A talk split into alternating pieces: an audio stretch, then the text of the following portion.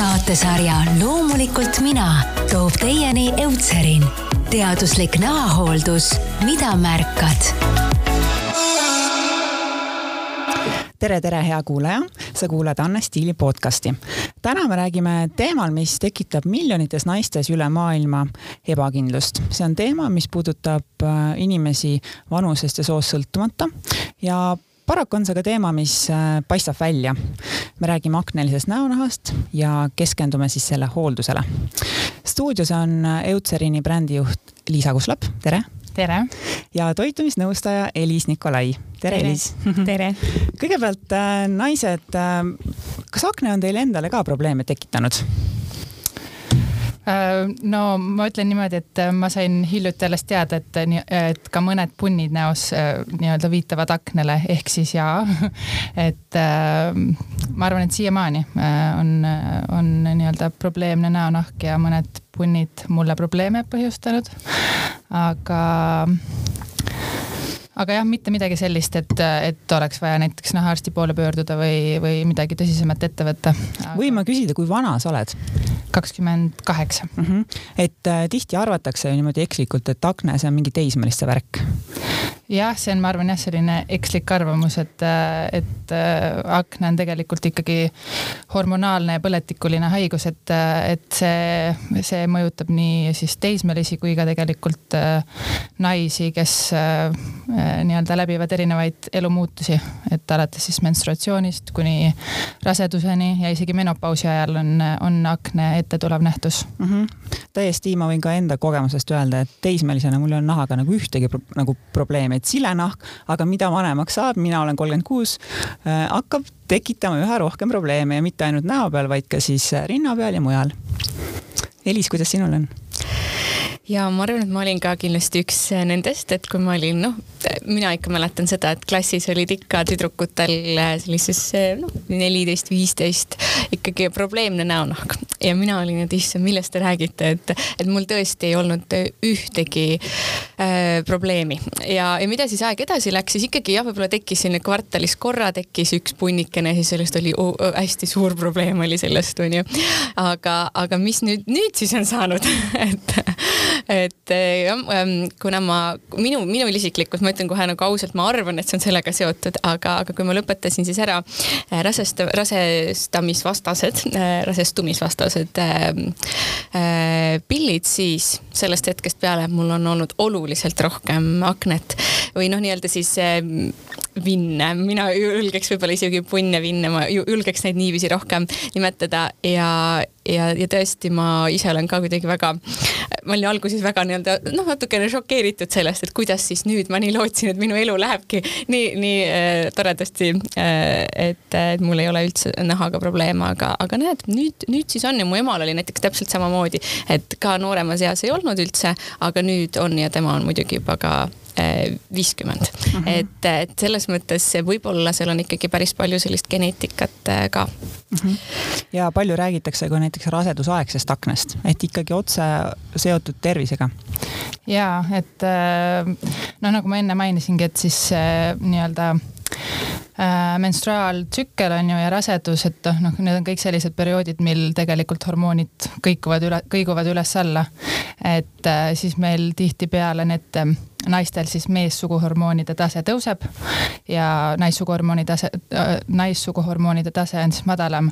et äh,, et et see põhjustabki seda rasu ületootmist tege-, mis tegelikult on siis selle akna nagu põhi, põhjus ja noh, minu enda kogemusest ka, et kui ma praegu mõtlen, siis just nagu vahetult enne äh, menstruatsiooni mul on nii-öelda probleemsem näonahk. et see siis kõik on täiesti nagu seoses tegelikult hormoonidega, et äh, ja, ja kuulajale nii palju ma võin öelda, et äh, podcast küll kahjuks pilti ei näita, aga need naised siin on väga sileda näonahaga, et hetkel mitte ühtegi vinni kuskilt ei paista aknast äh,. rääkida nende puhul vähemalt visuaalselt. jah ja. Me, meik teeb imesid meik teeb ja imesid, aga ikkagi äh, paljude puhul on ka seda meigi alt näha kellel on siis tõelised probleemid, eks. okei okay., me rääkisime siin hästi põgusalt äh, hormonaalsest tasakaalust või tasakaalutusest äh,. mis veel põhjustab aknet? No selles mõttes ei ole ühte kindlat põhjust, mis seda põhjustab, aga on erinevad tegurid, mis, mis seda süvendavad või nii-öelda soodustavad, et äh, üks asi on näiteks suitsetamine, et kuna suitsetamine siis põhjustab meie kehas oksüdatiivset stressi, et siis meie rasu koostis muutub. ja on noh uuringuid ka tehtud, et naised, kes suitsetavad, et nende seas siis aknet esineb palju-palju rohkem siis kindlasti toitumine, millest Elis ilmselt hiljem rohkem räägib. Äh, ja äh, ka ravimid, mõned, et näiteks ka antibiootikumi kuur, et kui, kui seda nagu pikaajaliselt teha, ka mu enda näitel, et kui ma viimati seda läbisin, et siis, siis näonahk kohe oli nagu mõjutatud rohkem sellest et eh, jah, et siin on nagu erinevaid tegureid, mis eh, ühelt poolt siis äh, nii-öelda äh, suurendavad meie rasvu tootmist, aga siis teiselt poolt äh, nii-öelda aitavad ka bakteritel vohada, et igasugune noh, öeldakse, et akne on nii-öelda eba, eba piisav hügieen, et ma ütleks, et see ei ole päris õige. aga samas äh, me ikkagi nagu äh, võiksime natukene nii-öelda vaadata, et, äh, et mitte siis noh, nii-öelda puhastada näiteks oma telefoniekraani, mitte nägu puutuda liigselt, et, et ikkagi seda nii-öelda bakterite vohamist vältida mm. -hmm. sellest hügieenist on nüüd viim viimasel pooleteisel aastal hästi palju räägitud ka, mitte seoses aknaga, eks. okei, äh, Elis, äh, sina oled meil siin saates täna äh, toitumisnõustajana milline roll on toitumisel ja sellisel tervislikul eluviisil nüüd akne kontekstis?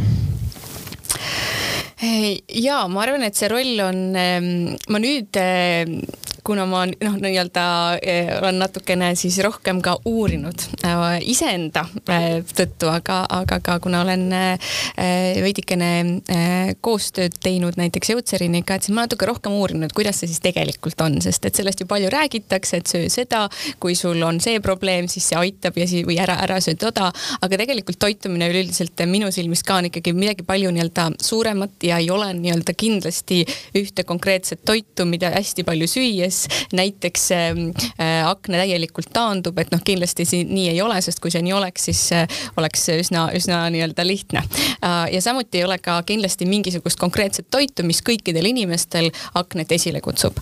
küll aga, kui me vaatame nüüd nagu organismi tervikuna, siis on päris palju nüansse, mida on ka tegelikult palju teaduslikult uuritud ja ikkagi leitud, et need võivad aknet esile kutsuda või seda siis hullemaks muuta. seega jah, et kindlasti toitumine väga palju määrab väga paljusid erinevaid selliseid kehafunktsioone ja, ja, ja noh, üleüldiselt võib-olla kui tuua selline al-, alustuseks selline üldistus, siis eh, teatud toidud meie organismis tekivad, tekitavad rohkem põletikku, teatud toidud alandavad põletikku. ja kui meie kehas on põletik, siis tihtilugu see avaldub ikkagi meie kõige suurema organi ehk siis naha kaudu. et see on nii-öelda, kui me võtame nagu toitumuslikult üks selline, üks selline peamine murekoht. aga, aga no näiteks ma lihtsalt hästi hea, kohe, kohe ma haar-, ma haarasin kinni Liisa mõttest, et sa rääkisid antibiootikumide kuurist, et, et mida, mida tegelikult äh, pikaajaline antibiootikumide kuur äh, organismis teeb, on see, et ta tegelikult väga palju ähm, noh, nii mõjutab negatiivselt üleüldiselt meie soolestiku mikrofloorat. see on ka põhjus, miks enamikud arstid peale siis antibiootikumide kuuri soovitavad äh, läbida ka probiootikumide kuuri. ja, kui seda noh, ja, ja, ja, ja tegelikult mida on veel palju leitud, ongi, et meie soolestiku tervis on väga palju seotud aknega, sest et seitsekümmend protsenti protsenti, circa noh, circa seitsekümmend protsenti immuunsüsteemist meil tegelikult soolesti, soolestikus ongi ja tegelikult kui soolestik, üldse kui meie immuunsüsteem on nõrk, siis see võib ka jällegi väga paljuski ähm, naha, nahal avalduda. nii et jah, kui see oli selline väike mõte, mis ma, mis ma kohe äh, ära tundsin ja, ja, ja kuidas jällegi kasvõi selline pisikene asi võib siis mõjutada meie naha olukorda. ja nii, et äh, räägime siis tervislikust toitumisest, mitte keha kaalu kontekstis, vaid ilusa naha kontekstis mm. -hmm. ja ähm, no hästi, ma ei tea, kus alustada, siin on nii palju neid mõtteid, aga, aga ma usun, et enamikel ähm, äh, ütleme, et kui, kui ütleme, selline peamine põhimõte on ikkagi just nimelt äh, jälgida seda, et meie toidulaud oleks võimalikult selline puhas ja töötlemata, ütleme nii, et äh, noh kindlasti inimesed on kuulnud, et teatud toidud on rohkem rafineeritud, teised veidikene vähem ja, ja ma arvan, et kui me lihtsalt suudaksime toidulaua teha selliseks, mis on enamasti täidetud toitudega, mis, mis ei sisalda koostisosasid. see on selline hea viis, kuidas vaadata, missugused toidud on rohkem töödeldud ja mis mitte, siis see on juba väga hea algus. ja mida on väga palju leitud, on see, et kuidas tegelikult äh, kiired süsivesikud või sellised rafineeritud kiired süsivesikud tegelikult mõjutavad äh, naha seisukorda ja seda on nüüd küll väga paljude teadusuuringute järgi ka uuritud, et see kuidagi ei ole kuskilt niisama õhust võetud. et äh, kokkuvõttes ma toon väikse näite ka, et siis on võib-olla huvitav mõista veelgi paremini, et kui me sööme kiireid süsivesikuid, rafineeritud süsivesikuid ja sealhulgas ka suhkrut, siis mis meie kehas toimub, on see, et meil tegelikult veresuhkur hästi kiiresti tõuseb ja, ja, ja veresuhkru tasakaalustamiseks, kui veresuhkur on kõrge, tuleb appi selline tore äh, teada-tuntud äh, hormoon nagu insuliin. insuliini eesmärk on siis seda veresuhkrut tasakaalustada, aga mida rohkem me tegelikult kiireid süsivesikuid sööme, seda rohkem peab insu-, keha siis või noh, meie väike selline tore organ nagu pankreas seda insuliini peale tootma ja, ja on ka leitud, et jällegi see insuliini äh,, insuliini rohkus meie organismis võib siis äh, jällegi äh, tõsta äh, organismis meessuguhormooni ehk siis testosterooni taset, on ju, millest natuke Liisa ka rääkis. ja samamoodi võib siis veel tõsta sellise kasvuhormooni nagu äh, IGF-1 äh,, ka lihtsalt selline spetsiifiline, aga, aga kui tundub põnev, võite selle kohta rohkem uurida ja, ja just nimelt nende hormoonide selline üle, eh, selline liigsus meie kehas võibki tuua viia selleni, et meie keha hakkab rohkem siis õli või noh, nii-öelda mitte õli, vaid rasu tootma mm. -hmm. ja jällegi sellega see siis võib naha olukorda ikkagi kehvemaks muuta, et natukene sellist äh,, sellist nagu äh, rohkem jah mm. -hmm. sa mainisid alguses, et, ähm, et on äh, toiduained siis, mis tekitavad äh, kehas põletikku ja on need, mis siis ei tekita. kas sa saaksid nimetada, mis on need konkreetsed toiduained? Ja no äh, põletiku kõige rohkem äh, või ikkagi tekitab, kui me ütleme, et on näiteks siis rafineeritud suhkur, et see on ka selline teada-tuntud äh, äh, toiduaine, mida ikkagi tasuks vältida nii või naa, aga akneprobleemide või nahaprobleemide puhul kindlasti ja ma arvan, et enamikel inimestel, kellel on akne olnud, ma näiteks toon kas või oma väikese õe näite, kes on siis neljateistaastane ja ta kogu aeg räägib, temal on noh, selles mõttes näonahk on ikkagi pigem probleemne. Ja kogu aeg toob mulle näite, et issand, näed, ma sõin sõbrannadega nii palju magusat ja tegelikult kohe koheselt on, on äh, nahk kehvemas olukorras. et ma arvan, et enamik, enamik inimesi on märganud seda iseenda peale, et mida rohkem nad söövad magusat ja. või. šokolaad, eriti šokolaad. ja, ja no selles suhtes piimatooted, ma arvan ka noh, nii-öelda kom-, kombo piimatooted mm, ja suhkur kuidagi ja. mulle mõjub ja. ja šokolaadi puhul ka, et sellest ka, sellest mul eelmine, eelmine kord küsiti ka, et mis värk siis selle šokolaadiga on, et kas šokolaad ise on hästi halb. ja tegelikult, kui me vaatame nagu uuringuid, siis tegelikult ei ole see, et nüüd šokolaad on kindlasti see, mis probleemne on, vaid mida me jälle saame vaadata, on ikkagi seda, et milline see šokolaad on. et kui see šokolaad on selline, mis on hästi suhkrurikas äh, ehk siis kiirete süsivesikute rikas ja veel ka väga äh, noh, väga või noh, piimatoodete rikas ehk siis piimašokolaad. loe maitsev. maitsev jah, et ehk siis maitsev šokolaad näiteks nagu sni- või Milka šokolaad no.. et siis see on tõenäoliselt see suurem probleem kui see, et me võtame näiteks kaheksakümne protsendist või seitsmekümne viie protsendist või veelgi kõrgemat sellist hästi hästi äh, noh, nii-öelda Äh, väga sellist ähm, kakaorikast äh, tumedat šokolaadi, mis tegelikult on jällegi pigem hästi antioksüdantide rikas, et võib-olla see võib isegi nagu paremini mõjuda. ehk siis šokolaadil ja šokolaadil on ka kindlasti ja. vahe. mis see maitsešokolaad ja mis see mõrušokolaad äh, ma arvan, et siinkohal võib-olla see ka, et, et noh, nii-öelda mitte liigselt muretseda, et ma nüüd ei tohi süüa seda, seda, seda on ju, et et noh, šokolaadi puhul ka tegelikult ta toob meile häid emotsioone on ju, selle söömine ja ja, ja noh, pigem lubada ja mitte stressata võib-olla, et stress ka ma enne ei maininud, aga on kindlasti üks selline nii-öelda faktor, mis, mis siis äh, soodustab siis äh, erinevate nii-öelda noh, ongi stressihormoonide taseme tõusu ja see omakorda siis üleliigse rasu, rasu tootmist, et, äh, et äh, jah mm. -hmm. ma läheksin korraks veel, korraks veel siia Elise juurde tagasi, et sa mainisid suhkur, mis veel? suhkur, piimatooted tuli veel välja, mis veel? Ja piimatooted võivad ka kindlasti olla äh,, mitte et need piimatooted konkreetselt ei tekita otseselt siis äh, põletikku nii, nii väga, aga nad on jällegi, jällegi nendest leiduvad hormoonid on need, mis võivad ka inimese hormonaalset taset äh, mõjutada. aga ütleme, et põhi, peamised põletiku tekitajad on ikkagi jällegi väga tugevalt töödeldud toidud, et kui me mõtleme ebatervislikule toidule, ma arvan, et meil tekib päris palju toredaid toite pähe, siis ja. need ongi need ühed. aga, aga mis siis need äh, nii-öelda põletikku alandavad toidud on, on näiteks siis ähm, oomega kolm.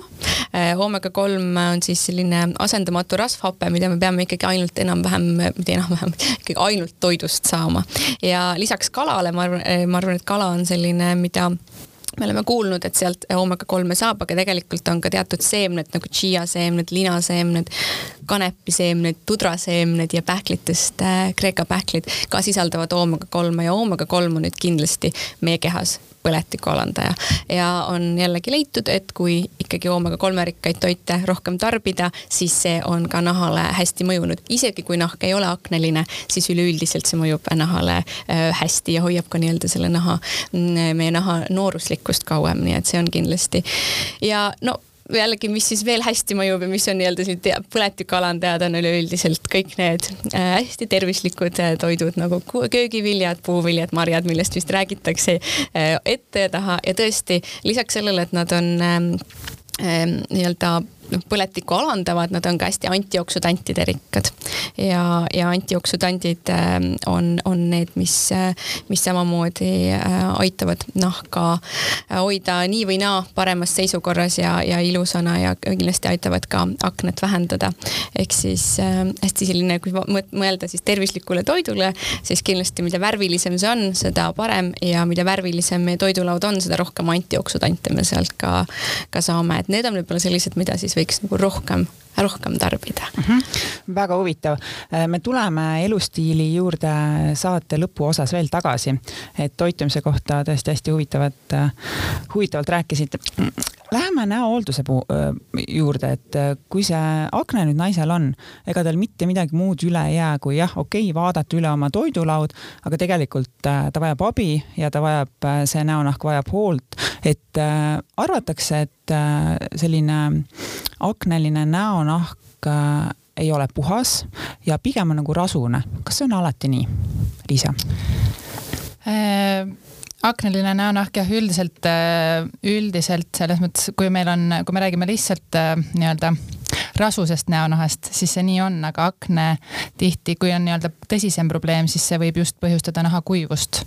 et äh, ma arvan, et noh, siinkohal tulebki nii-öelda siis vahet teha, et, et kas meil on juba tõsisem probleem, mis tegelikult nõuaks juba äh, nii-öelda Äh, sekkumist siis nahaarsti poolt, et äh, võib-olla on üldsegi vaja alustada raviga, enne kui me äh, mingisuguseid näohooldustooteid näiteks kasutame või muid nii-öelda meetodeid valime. või siis jah, kui on lihtsalt rasvune näonahk, et siis tegelikult saab hästi palju ka ise ära teha kodus nahka hooldades. -hmm. aga räägime sellest, et mida saab kodus ära teha, et selge on see, kui, kui mul ikkagi aeg-ajalt mõned vinnid ja sellised ebapuhtused näol on, e-, ega ma ikkagi ei lähe sinna nahaarsti juurde, et äh, nahaarsti juurde inimesed lähevad siis on ju, kui on niisugune tõsine probleem ja ikka näol ei ole enam ühtegi sellist puhast kohta. Ja et noh, mu enda näitel ka, et ma ütleks, et äh, minul need nii-öelda mõningad äh, punnikesed tekivad ja ma arvan, et kõige nagu olulisem on see, et meil oleks hästi selline korrapärane ja järjepidev siis äh, näohooldusrutiin, et äh, tihti me äh, nii-öelda Äh, pühendume siis naha, näohooldusele ainult äh, õhtuti, et äh, enne magama minekut, aga tegelikult, kui meil on juba probleemne näonahk, et siis, siis me peaksime sellega tegelema ka hommikuti. et ja see näo nii-öelda puhastus ei ole siis ainult ühe võib-olla toote kasutamine, vaid pigem nii-öelda kombineerida erinevaid näopuhastustooteid ja siis sinna juurde ka erinevaid hooldavaid kreeme. Et, et siis korralik äh, näopuhastus algabki esmalt siis näo ähm, puhastamisega, mis siis näiteks äh, äh, on hästi head erinevad näopesukeelid, et ka Eutserinil on, on selline õrnatoimeline näopuhastuskeel Thermopure sarjas. et ja see õrnatoimeline on tegelikult selline hästi nagu oluline märksõna siinjuures, kui me räägime siis probleemsest aknale kalduvast näonahast, et me ei kuidagimoodi ei ärritaks veel lisaks siis näonahka. Ja võib-olla järgmine samm, et me siis valmistaks näonahaga ette nii-öelda nende hooldustoodete imendumiseks ja paremaks toimeks. võiks olla siis äh, ka tooniku kasutamine. et äh, see siis annab nii-öelda veel lisavärskust ja, ja sära meie nahale ja noh, samamoodi ta siiski valmistabki ette näonaha äh, järgnevate toodete toimimiseks et võib-olla need kaks sammu siis nii hommikul kui õhtul, et ma jällegi nagu rõhutan seda, et, äh, et hommikul me tihti lihtsalt peseme näonaha veega ära ja, ja sellega see piirdub. aga et hommikul ka peaks ikkagi probleemset näonahka hooldama. ja vee puhul siis kindlasti mitte liiga kuum ega külm vesi, et ta võiks olla sihuke leige vesi. et kui äh, noh, muidu me lihtsalt jah, ärritame, ärritame nahka veelgi enam ja hooldustoodetest siis äh, probleemne näonahk tahab äh, kindlasti äh, sellist nii-öelda rahustavat kreemi ja, ja ka äh, noh, me võime mõelda siinjuures, et, et et tahaks seda nahka kuivatada veel rohkem, aga tegelikult, äh, tegelikult me peaksime andma talle ka niisutust. et, äh, et mitte siis nii-öelda liigselt seda nahka kuivatada. et erinevad need nii-öelda probleemsele näonahale mõeldud kreemid, me võime karta, et nad kuivatavad meie näonahka liigselt, aga tegelikult nad reguleerivad siis rasueritust niimoodi, et nad ei kuivata nahka, et et, et kui valida ka neid kreeme või koduhooldusvahendeid, et siis kindlasti, kindlasti valida need tooted, mis ongi siis spetsiaalselt äh, mõeldud äh, probleemse näonaha hooldamiseks. ja noh, siin juhul võib äh, kindlasti nõu küsida mõne spetsialisti käest, näiteks apteekrid oskavad väga hästi soovitada siis näonahale nii-öelda sobivaid tooteid. et, et ma ei, siin ju, siin puhul ei soovitaks võib-olla internetist abi otsida või siis sõbra-tuttava soovitust, et see, see on väga individuaalne, millised näohooldustooted võivad just sinu nahale sobida ja, ja selliseid äh, tooteid, äh, mis on aknale kalduvale nahale, on ju olemas ka tavapoodides ja samamoodi siis apteekides. et äh, Eucerin on ikkagi apteegi kosmeetika bränd. ja, ja Eucerini leiab ainult siis apteekidest ja mm, -hmm. et ja noh, seal on see valik ka lai, et ma arvan, et et tulebki siinjuures ka natuke katsetada, et leida enda jaoks see sobiv bränd, aga kui me räägimegi siis nii-öelda aknale kalduva näonaha hooldamisest, siis minu soovitus on kindlasti jääda ühe brändi juurde. et muidu me võime näohoolduses ja võib-olla meigitoodetes valida erinevad, erinevad nii-öelda brändid, aga, aga, aga jah, probleemset näonahka hooldades ma soovitaks valida ühe, ühe brändi ja erinevaid tooteid kombineerida. et need siis nii-öelda tõhustavad üksteise toimet mm. -hmm. et jah, aga võib-olla mõned sellised märksõnad lisaks, et kui me, kui me nagu valime neid tooteid, siis äh, siis äh, kindlasti need tooted peaksid olema seebivabad, et, ähm, et seep siis nii-öelda rikub meie äh, probleemse näonaha pH taset, et seep on aluseline, aga, aga terve näonahk on siis kergelt happeline. ja siis muidugi mitte komedogeensed, et siis me saame kindlad olla, et nad ei ummista poore veel enam. et, et võib-olla sellised märksõnad ja noh, kindlasti rasvavabad ka, et aga noh, see on, ma arvan, selline ilmselge, et, et me ei taha seda liigset rasu sinna juurde lisada mm -hmm. näonahale mm. -hmm. milliseid äh, selliseid koostisosi peaks äh, otsima nendelt kasvõi Eucerini pakenditeltki? No erinevad happed on hästi head äh, probleemse näonaha hoolduses, et äh, glükool ja salitsüülhape on võib-olla sellised kaks äh,, kaks hästi-hästi tõhusalt toimivat koostisosa, mida, mis on ka enamikes Eucerin Thermopure sarja toodetes. et äh, need siis äh, ühelt poolt äh, avavad need juba ummistunud poorid, aga siis teisalt nad ei lase ka uutel pooridel äh, tekkida. ja, ja samamoodi nad siis eemaldavad nahalt need äh, surnud naharakud, et äh, toimivad ka sellise hästi hea puhastajana et jah, ma neid nii-öelda keerukamaid märksõnu võib-olla mhm. rohkem ei mainiks, aga võib-olla need sellised kaks põhilist hapet, mis, mis, mis hästi tõhusalt toimivad mm. -hmm. no igasuguse nahahoolduse A ja O on selline järjepidevus ja ikkagi, et äh, ikka teha see hooldus hommikul ja õhtul ähm, kas aknalist nahka on võimalik ka nagu üle hooldada, sest ma olen kuulnud paljudelt naistelt, et, et nad kasutavad erinevate brändide tooteid ja siis, siis see nahk alles tegelikult läheb korrast ära. Ja noh, ma arvan, et siinkohal ma ei usu, et, et ükski äh, nii-öelda kreem või noh, et kui me kasutame pikka aega midagi ja meie näonahk läheb, tegelikult ma olen ise ka kuulnud jah seda, et sa äh, äh, nii-öelda hooldad oma probleemset näonahka ja siis ta läheb justkui nagu hullemaks ja siis alles võib-olla ja no siis sa lõpetad kasutamise, aga võib-olla ta mingi aja tagant läheb, läheks hoopis siis nagu paremaks, kui sa oleksid järjepidev selles. et ähm, ma, ma jään siinkohal selles osas vastuse võlgu, et ma ei, ma, mul endal kogemus puudub, et kas, kas äh, äh, kas nii-öelda mõne, mõne toote kasutamine võib siis algselt nii-öelda neid probleeme süvendada ja siis, siis äh, äh, järjepidev hooldus nii-öelda aitab neil Äh, sümptomitel paraneda mm. -hmm. no kuidas veel aknelist näonahka toetada, et kas mingid, ma ei tea, koorivad kreemid kord nädalas, mingi mask? ja et äh, kooriv kreem mul jäi isegi mainimata selles nii-öelda näopuhastusrutiinis, et, äh, et koorijad on kindlasti väga head, aga jah, et kord nädalas võib-olla maksimaalselt kaks. et, et seda kindlasti mitte siis lisada igapäeva, igapäevarutiini.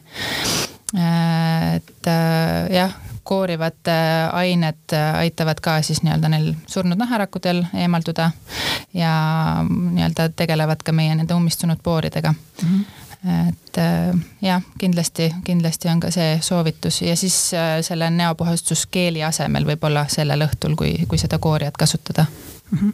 räägime ka sellest, ähm, ma tean, paljudel äh, on kiusatus, kui on ikka vistriks, siis see tuleb nii-öelda äh, jutumärkides pühjaks, tühjaks pigistada. Elis tõstis käe.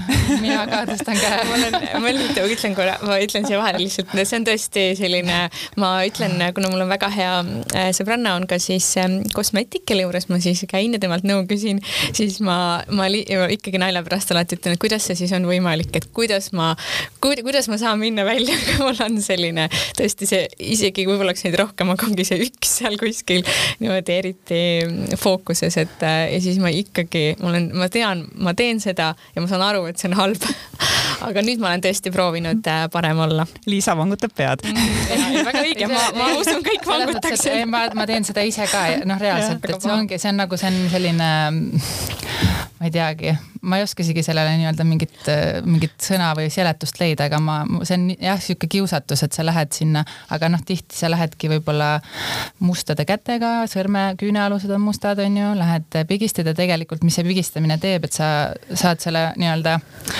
rasu sealt kätte, noh, võib-olla ei saa, on ju, sa ärritad seda punni, sa tegelikult tekitad haava nahapinnale, kus on siis veel soodsam keskkond bakteritel edasi vohada, mustusel sisse minna. et noh, tegelikult süvendad neid probleeme veelgi ja noh, ma ütlen minu jaoks tegelikult, kui sa lõpuks vaatad seda pigistatud punni on ju, et siis see näeb isegi inetum välja kui see olemasolev punn, et pigem võib-olla jah kasutada erinevaid selliseid, on peitepulgad, näiteks Eutserinil on ka hästi hea selline tooniva pigmendiga mm, peitepulk, mis siis ühelt poolt äh, ta äh, katab selle punni, aga teisalt ta ka samal ajal siis nii-öelda ravib seda, et kaks ühest toimega. Ja on ka erinevad punniplaastrid tegelikult, mida ma ka ise olen nüüd kasutanud, et, et samamoodi raviva toimega ja nad nii-öelda varjavad seda inetut, noh inetud punni, mida sa võib-olla ei taha siis äh, meigiga ei saa katta, onju. et noh, see plaaster jääb ka paistma, aga ta on äh, ikkagi äh, visuaalselt parem äh,, parema väljanägemisega kui, kui see punn ise. ma olen ise pro proovinud nii, et panen hommik äh,, õhtul selle plaastri peale ja hommikul see on peaaegu läinud, see punn mm. -hmm. et ta ikkagi ja. kuivatab oluliselt. Mm -hmm. okei no paljud brändid äh, pakuvad äh, eraldi tooteid aknelisena näol, nahale, ma ei tea, noorematele, vana, vanematele meestele naistele. et on seal päriselt vahet ja, ja kuidas Eutserini äh, toodetega on? Ei, Eutserini termopürsari, see sobib täiesti nii noortele, vanadele, nagu naistele, meestele ja, ja, ja et siin ei ole, siin ei ole erisusi. ja ma arvan ka, et äh, ei peaks olema, et, äh, et üldiselt akniline näonahk on ikkagi sarnane, see on lihtsalt erinev, kus, mis perioodis siis äh, noh, meestel esineb seda rohkem puberteedieas on ju, naistel tegelikult pikema ajaperioodi jooksul, sest meie hormoonid kõiguvad, kõiguvad tugevamini.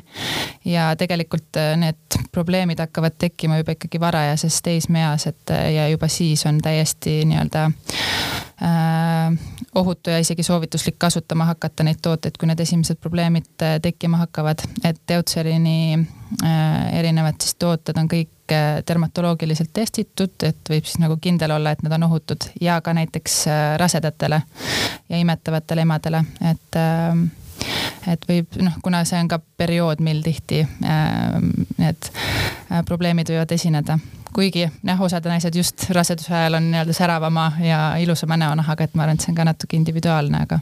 Ja, ja seda rohkem on vaja abi neil ne,, neil, kellel ei ole seda ilusat näonahka. ja just mm -hmm.. okei okay., ähm, me rääkisime saate alguse, saate alguses äh, toitumise olulisusest. räägime elustiilist veel nagu üldisemalt, et äh, tervisliku eluviisi juurde kuulub ka ju täisväärtuslik uni, äh, võimalikult stressivaba elu ma ei tea, trenn, helis, mis on veel tähtsad? Ja kui tähtsad need siis te te tegelikult on, sest et fakt on see, et kui sa oled äh, puhanud, siis sa oled ka ilusam, on ju nii? jaa ja kindlasti. Seda eh, Liisa ka enne ütles, et kuidas tegelikult eh, stress mõjutab meie nahka. Ja jällegi mitte ainult nahka, vaid stress on eh, minu silmis, olles ise pikaajalisemat sellist, noh, ma nimetaks seda sellist, mitte nagu see, et oh, täna on stressirohke päev, vaid pigem kui on natukene selline pikem või kroonilisem stress, et kuidas see tegelikult meid mõjutab igatipidi stress, kui ta on nii-öelda pikaajaline, võib väga efektiivselt meie kehast ka viia vitamiine, mineraale välja, mis tähendab seda, et meil tekib üleüldiselt ka selline noh, vitamiinide, mineraalide defitsiit ja see jällegi mõju, võib mõjutada väga, väga tugevalt väga paljusid kehafunktsioone, sealhulgas nahka.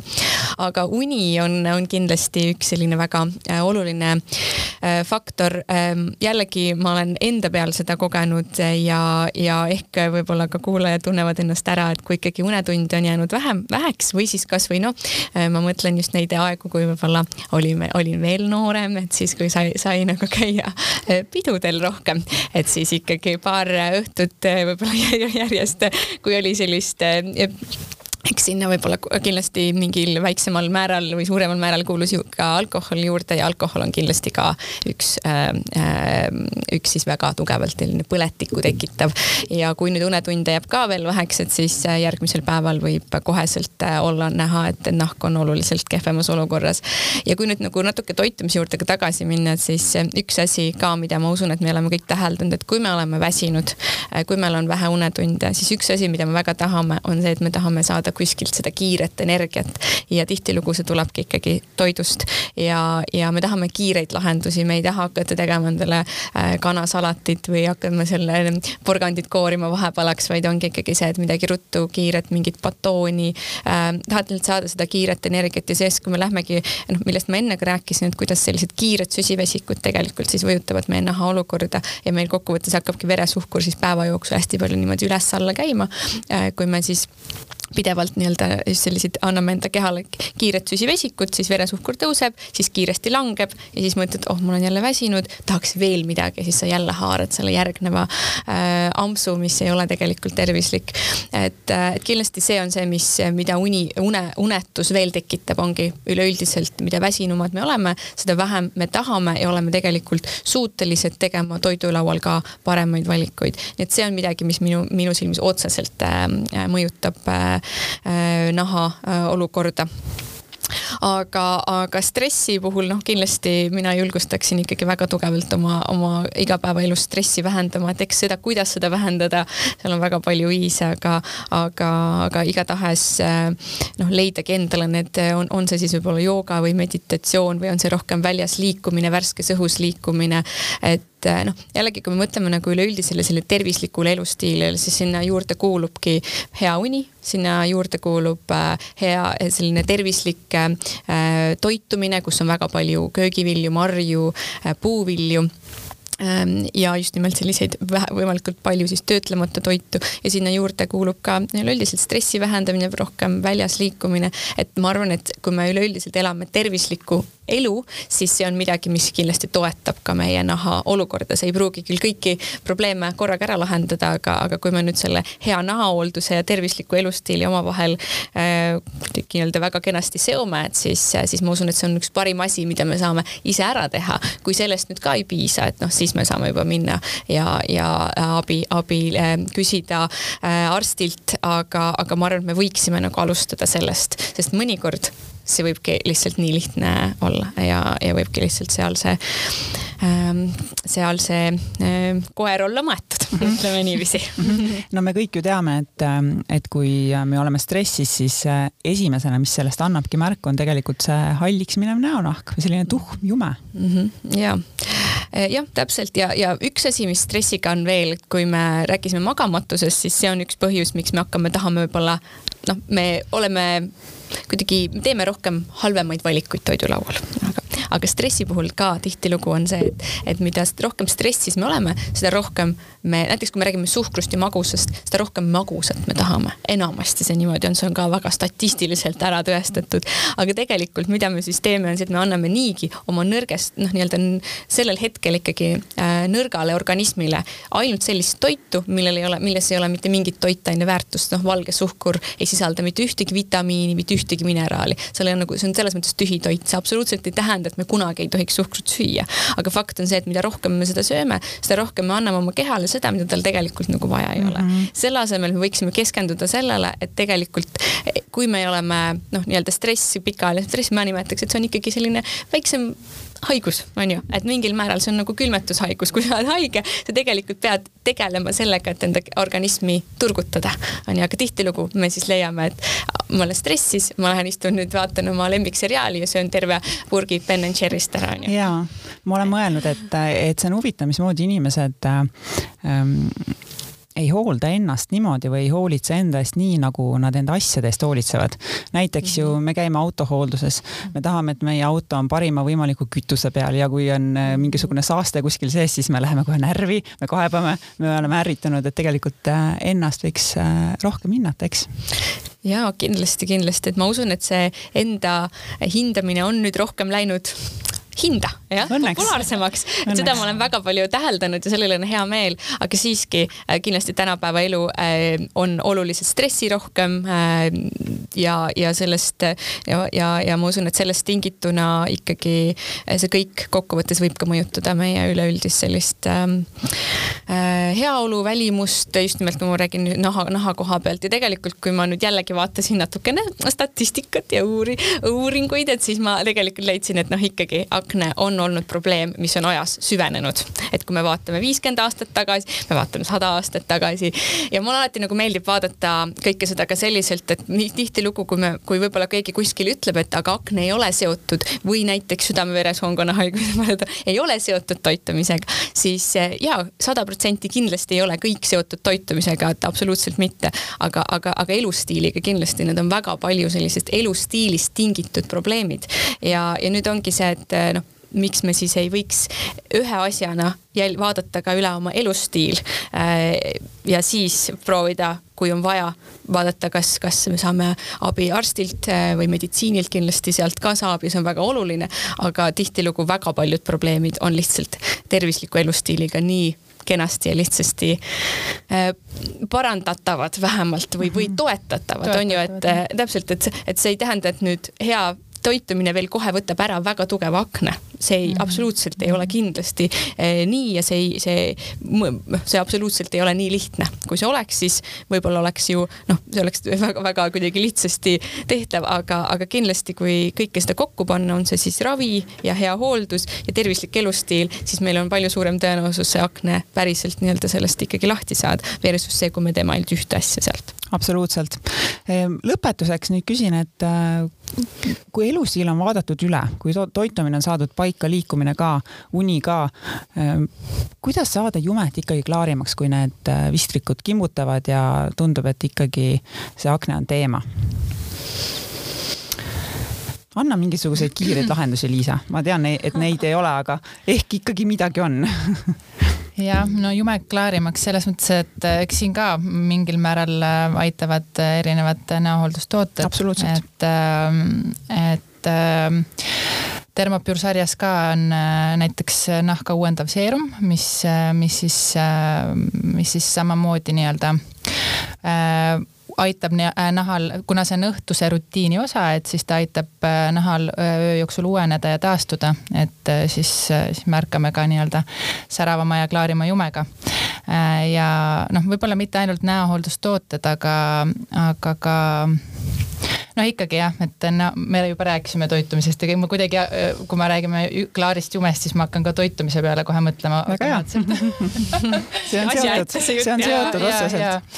et äh, aga jah, et äh, näohooldustooted kindlasti aitavad äh, palju ära teha, et kui me, kui me neid äh, nii-öelda hooldavaid tooteid ei kasuta, näonahka ei puhasta, siis tegelikult ka nii-öelda meik, mida me järg, järgnevalt siia, sinna peale kanname, ei püsi nii hästi võib-olla näos ja nii-öelda süvendab veel enam neid probleeme et mm -hmm. jah, jah, selle nii-öelda rutiinse ja järjepideva näohoolduse juurde ikkagi tagasi tulles, siis, siis see on, see on oluline Elis, mis sa lisad, sest et äh, pime aeg tuleb, päikest me näeme järgmine kord. okei okay,, soojamaa reisil võib-olla, aga võib, võib-olla kevadel. Ja võib-olla ma lisaks veel mõned, äh, kuna mul siin on veeklaas ka nii ilusti kõrval, siis ma äh, kindlasti mainin ära, et vee, rohke vee joomine.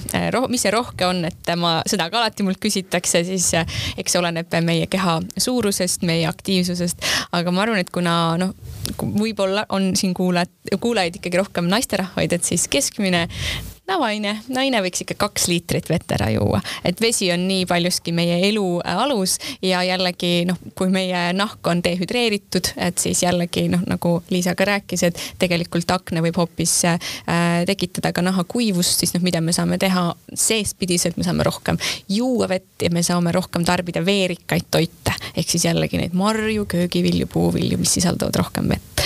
aga, aga veel ähm, mida, mida veel tegelikult on soovitatud, on, on teatud, võib ka juurde võtta teatud vitamiine, vabandust mm. -hmm ja näiteks noh, seleen ja tsink on, on midagi, mida, mida on leitud, et tegelikult selle, selle toidulisandi juurdevõtmine võib ka naha olukorda parandada. ehk siis ja iseenesest on nad nii või naa, aga väga-väga head eh, energia tootmisele, immuunsüsteemile. et kindlasti võib teha seal nende toidulisandite kuure, aga seleenirikkad on ka väga parapähklid, nii et neid võib ka lisada ainult ühes parapähklis, ühest parapähklist ehk siis Brasiilia pähklist me saame eh, tervepäevase seleenivajaduse kätte, nii et kindlasti selline hea, hea mõte ja D-vitamiini ka, noh, see on vist ka juba eestlastel suhteliselt selline hea sõber talvisel ajal, et muidugi ilmselgelt päikest ei ole enam ja, ja me D-vitamiini saame ikkagi kõige paremini kätte, seda on küll toitudes, eelkõige noh, näiteks loomsetes munas ja kalas, aga ikkagi kõige paremini D-vitamiini me saame päikesevalgusest, äh, kui see meie nahale langeb ja kui seda ei ole, siis me peaksime seda juurde võtma, nii et D-vitamiini defitsiit kindlasti nahale hea ei ole mm. -hmm. ja kuna see podcast on meil äh, koostöös Eutseriniga, siis äh, mõlemad naised, üks küsimus, mis on teie top kolm äh, Eutserini toodet? Liisa nüüd ma võin rääkida muudest toodetest kui termopüür onju isiklikest lemmikutest. isiklikest lemmikutest. Tegelikult termopüür sarjast ma olen leidnud endale ühe, ühe lemmiku, et mis on see näopuhastuskeel tegelikult, et ma kuidagi varasemalt ei, ei kasutanud näopuhastuskeeli meigi ja üldse näo puhastamiseks. et erinevad sellised nii-öelda vatipadjaga mingisugused mitsellaarveed olid nagu see põhiline nii-öelda arsenal, aga, aga jah, näopuhastuskeel on nüüd mul rutiinis äh,. Siis äh, äh, mulle väga meeldivad ka Äh, nii-öelda sellisele nooremale nahale esimesed vananemisvastased tooted et -hmm. jah, äh, hüaluron filler päevakreem, mis on tegelikult SPF kolmkümmend kaitsega, et ka tegelikult aastaringselt oluline siin ära mainida. ja kui ka räägime nii-öelda probleemsest aknale kalduvast näonahast, et siis ka see on, erinevad tooted võivad siis nii-öelda muuta nahka vastuvõtlikumaks või nii-öelda tundlikumaks päikesele, et siis nii-öelda tegelikult SPF kaitse aastaringselt, et on, ma arvan, ka väga oluline ära märkida. ja mis siis veel? Äh, kolmandana tootena pH5 äh, kehaõli mm. -hmm. et ka nii-öelda äh, tõesti super, et varasemalt ma tegelikult üldse duši all käies ei kasutanud äh,. tihti lihtsalt lähed ja lased veega ennast üle, onju, aga nüüd äh, ma olen ja võtnud enda, endale juurde siis nii-öelda puhastusvahendina selle kehaõli, mis on tõesti nagu, jätab naha hästi mõnusalt pehmeks ja, ja siidiseks mm. -hmm. Elis, on sul lemmikuid? ja minul on nüüd tekkinud, Liisa natuke rääkis sellest ka enne, on see peitepulk, mis Eutsaril on. see on, see on tõesti lihtsalt imeline. ma, nii kui on ja kuna mul on, nagu ma ütlesin ka, et, et mitte ainult ei ole mul noh, neid ei teki võib-olla ka nii noh, ikkagi regulaarselt tekib, aga mis, mis tekib, on, on ka tekivad nii-öelda need armid, mis jäävad, need mind häirivad veel kõige rohkem, et see ei ole ka midagi, millega ma olen harjunud ja siis ma neid, see peitepulk ka neid kenasti päästab ja muidugi tal on siis selline raviv toime ka, onju. et see on kindlasti minu lemmik ja, ja see Eutserinil on ka, mul lihtsalt tuleb meelde, et ma kasutasin sellel ja eelmisel suvel oli Eutserinil oli üks selline pigmendi äh, laike vähendav kreem ja see toimis imehästi nii minul kui minu sõbrannal. nii et see on kindlasti midagi, mida ma olen regulaarselt äh, kasutanud. et need on võib-olla kaks minu lemmiktoodet, et äh, ülejäänusid ma pean veel natuke katsetama, vaatama mm. -hmm aitäh äh,. nii, mida siis lõpetuseks öelda, olgem äh, enda elustiili ja naha osas siis tähelepanelikud ja ainult me ise saame selle eest hoolt kanda mm. -hmm, just nii. ja, ja kui on vaja, siis ikkagi tuleb ka arsti juurde pöörduda, et. kindlasti. et rohtudega tuge saada. ja, ja aga, aga aitäh teile, naised, tulemast. ma loodan, et meie vestlus inspireeris ja aitas nii mõndagi kuulajat ja aitäh ka teile, kuulajad. see oli äh, Eutserini ja Anne Stiili ühine podcast. mina olen Mari-Liis Elvik ja meie kuuleme juba peagi. tšau. saatesarja Loomulikult mina toob teieni Eutserin, teaduslik näohooldus, mida märkad